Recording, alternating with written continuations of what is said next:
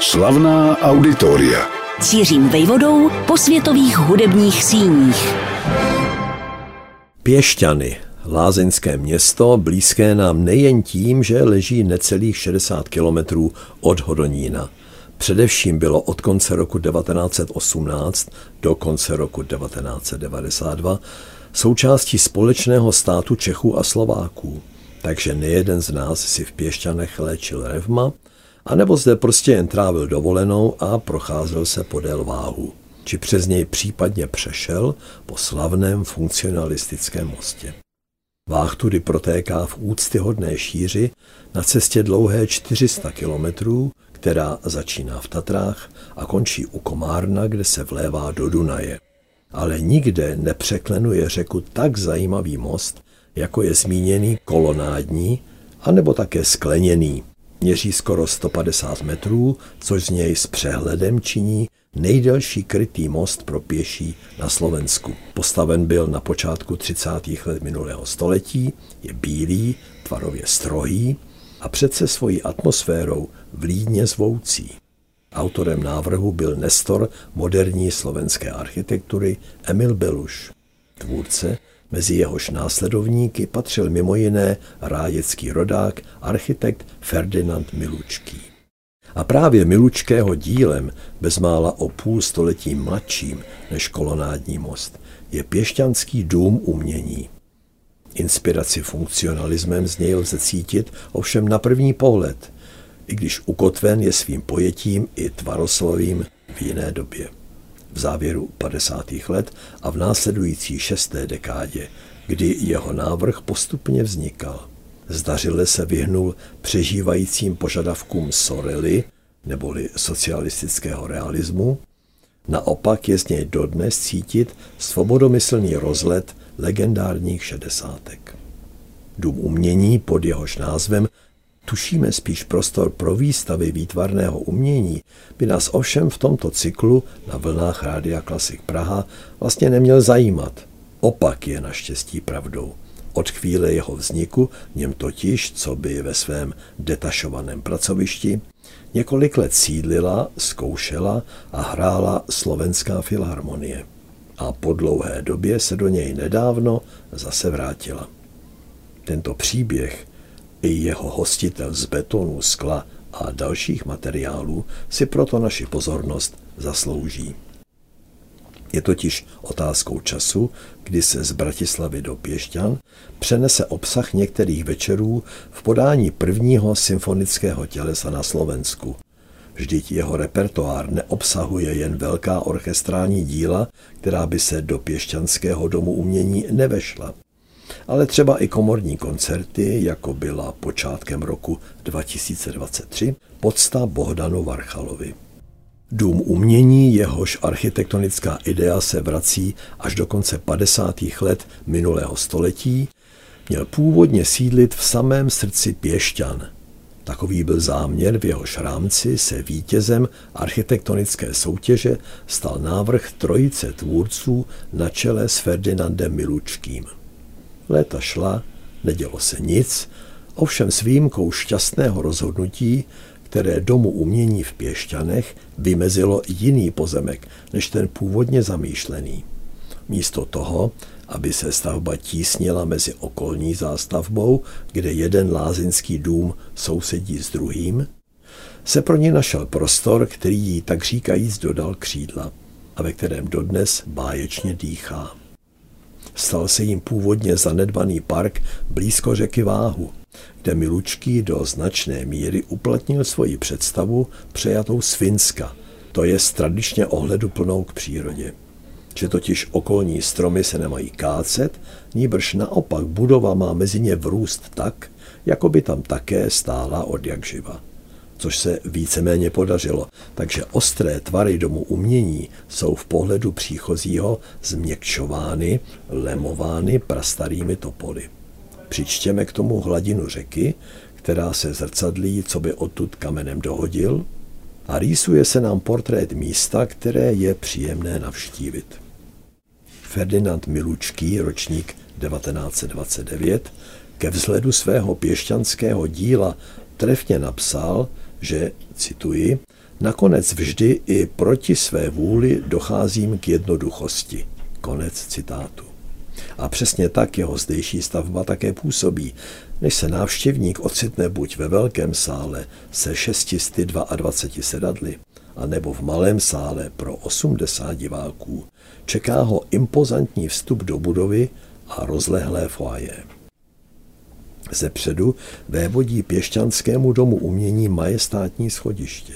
Stoupá vzhůru ke vchodu a cestou míjí umyslně opakovaný motiv lamel a rastrů, které zdobí fasádu. Ráz, chcete-li, vyznění celé stavby, která je pro někoho artefaktem a pro jiného bunkrem, jinak určuje pohledový beton. Čelo budovy zakončují z obou stran pravoúhle dvě stěny, ostře vystupující do popředí, jako by budovu chránili, opatrovali. Interiér včetně zkušeben, šaten i arkýře s výhledem na řeku Váh, ve kterém je umístěn bar, skýtá dostatek prostoru na nejrůznější akce. Nemusí to být jen koncerty. Ve zdejším domě umění se pořádají mistrovské kurzy a nebo soustředění uměleckých těles, například orchestru mladých Gustava Mahlera. Dům umění v Pěšťanech byl postaven ve druhé polovině 70. let a svěřen do péče Slovenské filharmonie. Po roce 1993 ale měnil majitele jako na běžícím pásu. Napřed to byl Trnavský kraj, pak různá kulturní či osvětová zařízení, až se možná nečekaně zmocnil vlády nad moderním domem umění tradiční folklorní soubor Lučnica. Počátkem roku 2022 byl ovšem mnohaletý šéf této lučnice, muzický manažer Marian Turner, jmenován do čela Slovenské filharmonie. Jeho kandidátský projekt přitom obsahoval podmínku, aby byla budova Pěšťanského domu umění vrácena filharmonikům, tak aby v ní mohli znovu v klidu zkoušet a občas také koncertovat. Naštěstí převzali výsledky rekonstrukce, která tu proběhla v roce 2015. Ve velkém sále, kterému vévodí objemné varhany, byla vyměněna podlaha i čalounění stěn, což mělo změkčit akustiku. Divácké pohodlí navýšil upravený sklon sedadel, který kromě lepšího výhledu na pódium nabízí i víc pohodlí. Především sem byla instalována digitální technologie pro filmové promítání, takže do velkého sálu nyní přicházejí diváci i na přímé přenosy operních představení z Metropolitní opery. Hned v prvních měsících roku 2023 schlédli díky tomu Yorkské provedení Fedory či Wagnerova Lohengrina. Vraťme se ale k tvůrci domu umění v Pěšťanech, architektu Milučkému.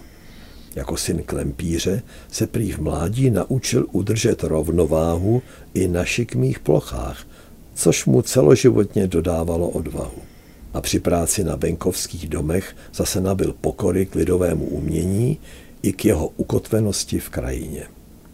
S touto devízou přistoupil nejen k pěšťanskému domu umění, ale i ke druhému ze svých stěžejních návrhů. Tím bylo Bratislavské krematorium, první svého druhu na Slovensku.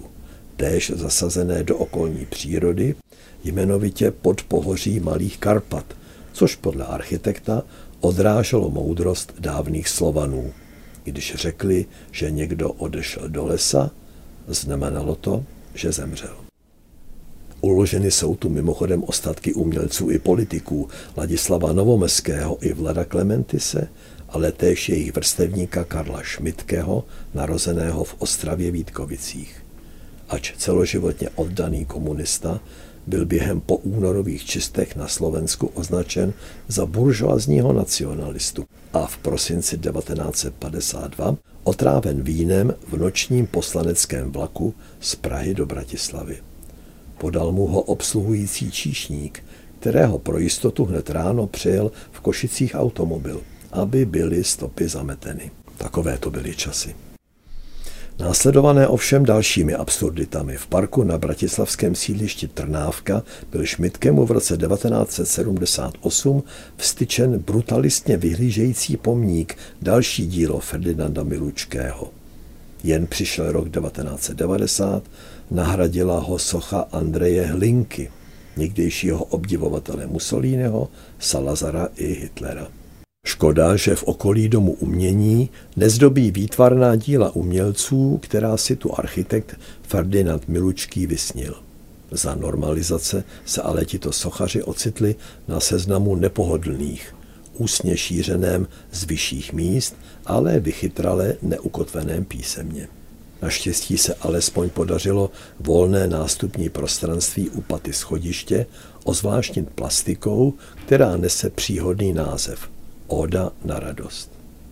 Kdo ví, možná, že v Pěšťanském domě umění zazní jiné dílo Ludwiga van Beethovena, například koncert pro klavír a orchestr C-dur v podání Slovenské filharmonie a českého solisty Roberta Bílého, vítěze mezinárodní klavírní soutěže Johana Nepomuka Humla. Město na váhu, známé termálními vodami nebo léčivým bahnem, se rozhodlo opět nabídnout svým návštěvníkům něco navíc, dopřát jim ve svém domě umění i rozkoš z hudební lázně. Slavná auditoria.